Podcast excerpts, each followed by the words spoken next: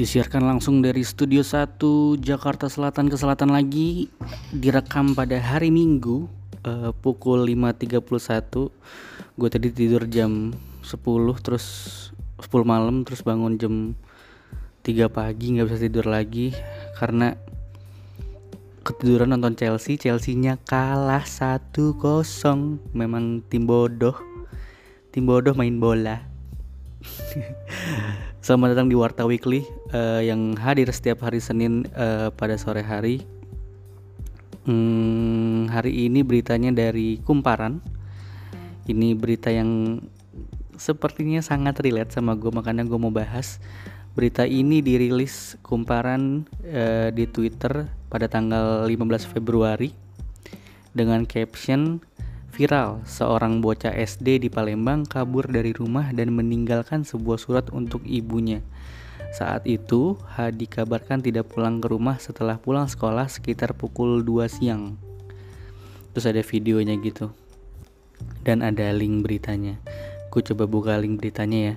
Dari kumparan Urban ID. Urban, Urban ID ini berarti siapanya kumparan ya? Oh, konten media partnernya. Oke, okay, oke. Okay uh, beritanya pakai gambar foto si anak kecilnya ini. Foto bocah di Palembang yang kabur dari rumah. Botak anaknya pakai dasi SD bete banyak banget. Oke gue bacain. Viral video yang menceritakan seorang bocah SD berinisial H di Palembang kabur dari rumah dan meninggalkan sebuah surat untuk ibunya. Informasi yang dihimpun Urban ID Peristiwa itu terjadi pada November 2022. Saat itu H dikabarkan tidak pulang ke rumah setelah pulang sekolah, sekitar pukul 2 siang Senin 7 Februari lalu. Namun, saat dilakukan pengecekan CCTV kompleks rumahnya, ternyata H kabur saat orang tuanya tidak ada di rumah. Bapak, Ibu mohon diinformasikan atau di-share anak ini pergi meninggalkan rumahnya sore tadi selepas pulang sekolah sampai sekarang belum ditemukan. Namanya H. Barangkali Bapak Ibu melihat anak ini segera hubungi kami terus ada nomor telepon atas nama Noperi. Bunyi siaran pesan WhatsApp mengabar, mengabarkan kaburnya H. Pesan itu disertai foto dan secarik kertas yang ditulis oleh tangan H Kertas itu berisi pesan kepada sang ibu sebelum kabur dari rumahnya. Dalam suratnya, H mengaku tidak sanggup lagi dimarahi ibunya, namun H menyampaikan rasa terima kasih karena sang ibu telah berkenan merawatnya. Bunda, makasih sudah besarin aku, aku tidak sanggup lagi. Makasih, Bunda jangan cari aku. Tulis H. Hingga malam, bocah yang merupakan siswa sekolah di Min satu Min ini apa ya? Madrasah ya kayaknya madrasah satu Palembang itu belum juga ditemukan. E, pencarian baru membuahkan hasil pada pukul setengah dua pagi. Haikal ditemukan oh namanya Haikal H itu Haikal. Haikal ditemukan sedang dalam keadaan tidur di taman samping kolam simpang Polda Sumsel. Bocah ini kemudian diajak pulang ke rumah orang tuanya. Dalam pengakuannya kepada wali kelas, Haikal menyebut tidak sanggup terus-terusan dimarahi sang ibu. Ia mengaku tersiksa dan memutuskan kabur. Kasus ini pun diharapkan menjadi pelajaran bagi orang tua agar lebih bersabar dan memahami psikologis anaknya. Tahanlah amarahmu bunda, yakinlah si kecil akan berubah berkat kelembutanmu. Ungkap narasi videonya. Iya emang ada videonya gitu sih. Ngegambarin kalau si Haikal ini bikin surat terus kabur gitu. Kayak video ini video-video in via fake gitu. Tuh, suratnya juga ditulis pakai spidol snowman gitu kayaknya ya. Di atas meja tuh bunda makasih udah kayaknya kelas 1 nggak nyampe kelas 3 ini. Tulisannya belum bagus kok ini terus lagi tidur di setengah dua pagi lagi tidur. Gue nggak bayang berarti dia dari jam 2 tuh mau ke, dia dia pergi nih dari jam 2 dari rumahnya kan terus dia jalan-jalan ke mana gitu nggak tahu.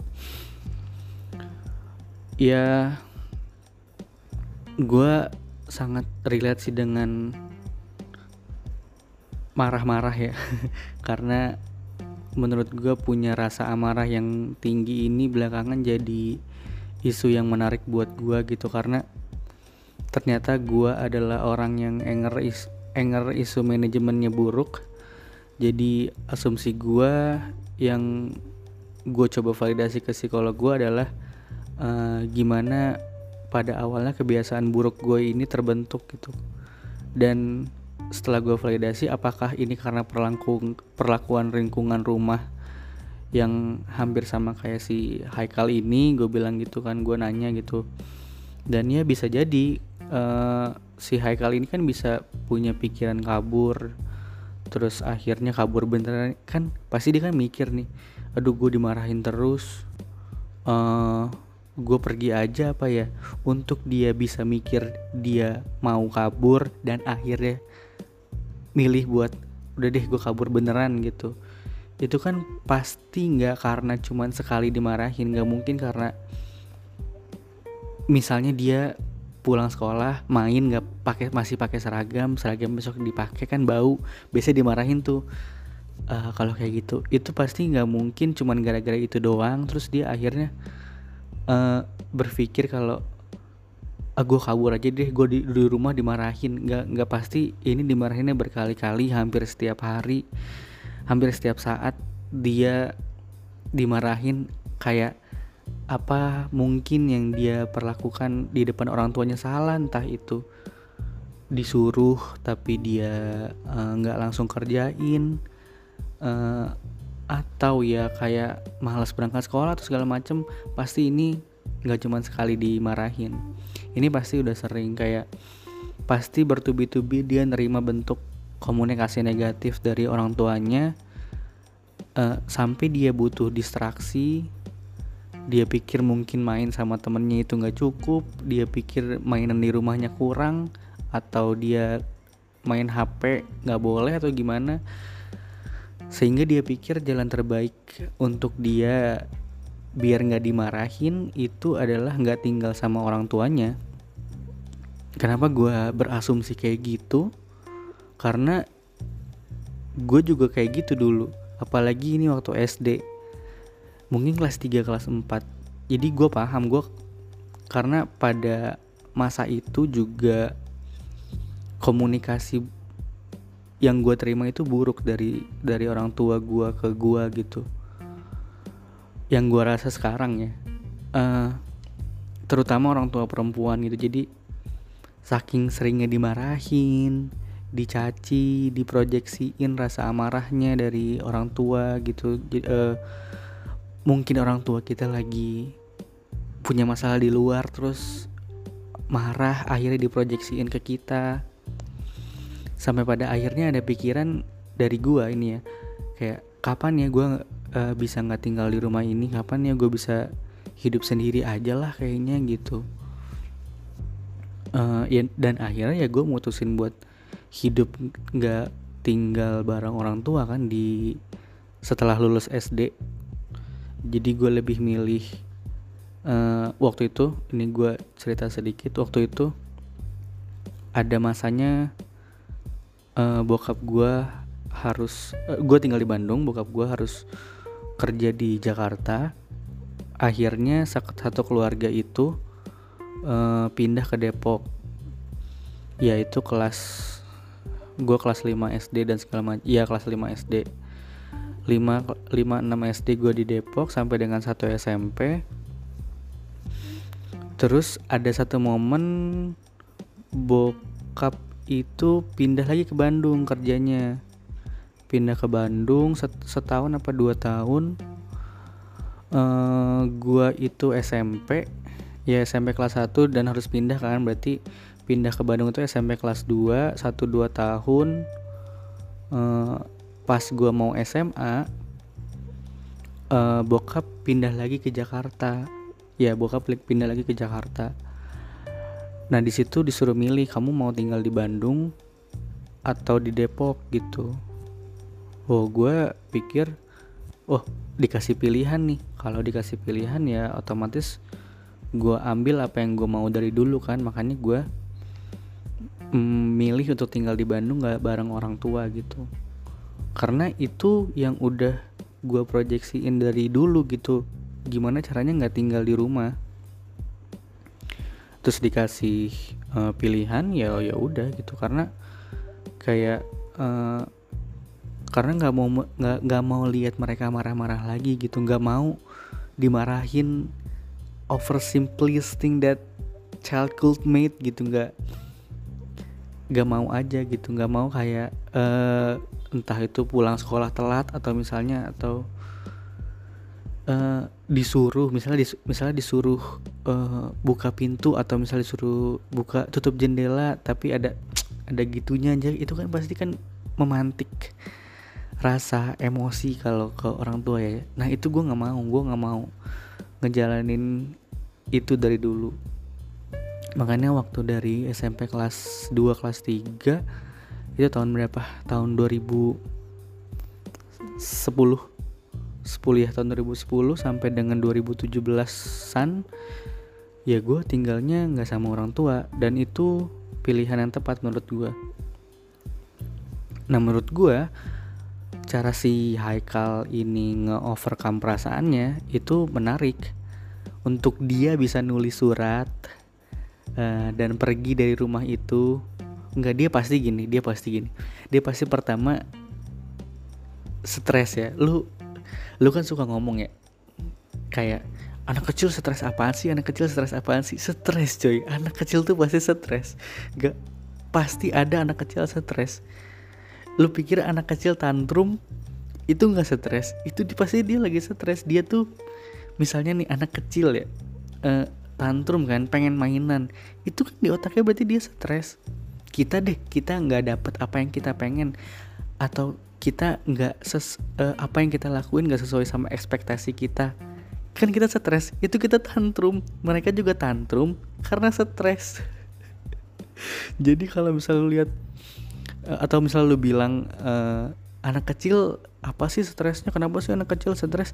Anak kecil juga ada yang stres. Gak mungkin anak kecil nggak stres.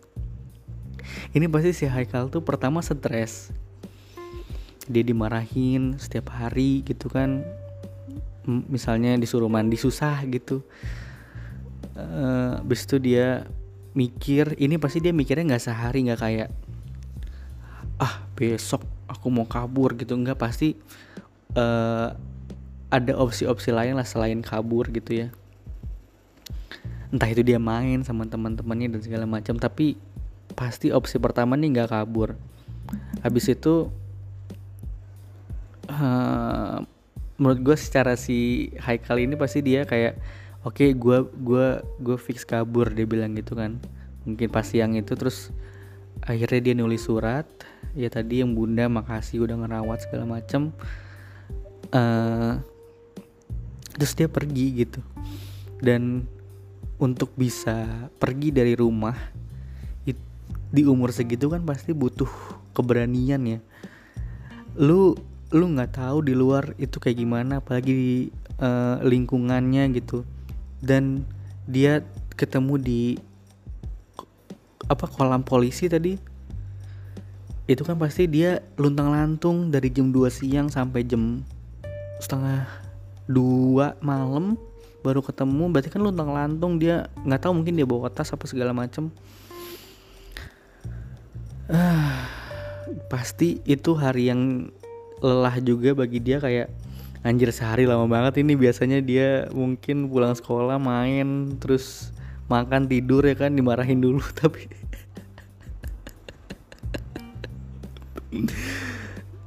di hari itu dia harus kabur dia harus jalan dia nggak tahu mau ke mana. Akhirnya ketiduran. Itu pasti jadi hari yang lama banget buat dia. Yang gue pelajarin juga uh, sebaik-baiknya emosi ya emang harus diluapkan.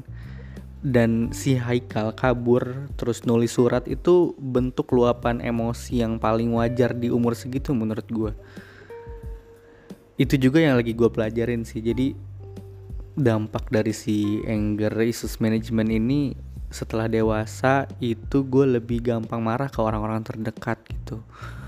Apalagi orang-orang yang gue anggap gue sayang lah gitu. Jadi hmm, kadang omongannya juga terlalu uh, menyakiti mungkin ya. Jadi nggak mikir perasaan orang lain lah jadinya gitu ya itu mungkin karena dari dulu gue dapat perlakuan komunikasi negatif dari orang-orang sekitar juga yang uh, gue pendem akhirnya nggak diluapin uh, dirasa nangis itu kurang uh, coba lari dari masalah nggak dikomunikasiin nggak ada kata maaf dari yang bersangkutan.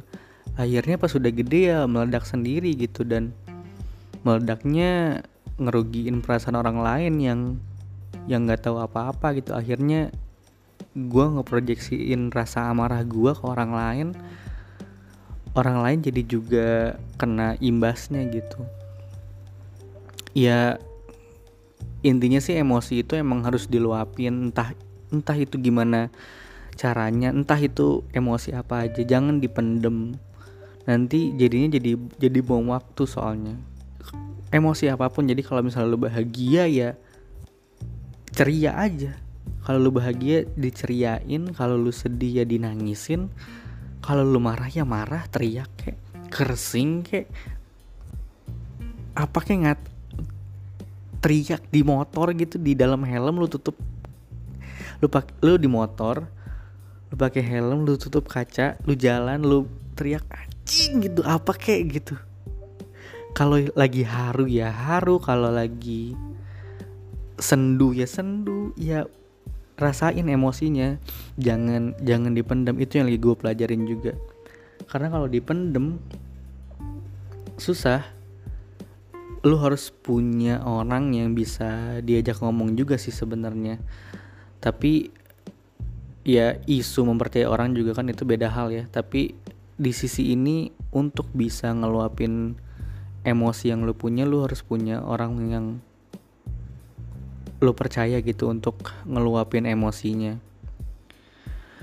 Ya itu aja ya. Jadi intinya sebaik-baiknya emosi sebaiknya sebaik-baiknya bentuk emosi adalah yang diluapkan. Gitu. Oke itu aja dari gue. Semoga si Haikal besarnya nanti pundaknya kuat kebal sama omongan orang berdiri sendiri. Dia di sekolah dibully nggak ya? Semoga di sekolah nggak dibully ya. Tapi jangan ngebully juga dan ngebahagiain orang sekitar. Oke itu aja. Uh, sampai jumpa di Warta Weekly minggu depan. Ciao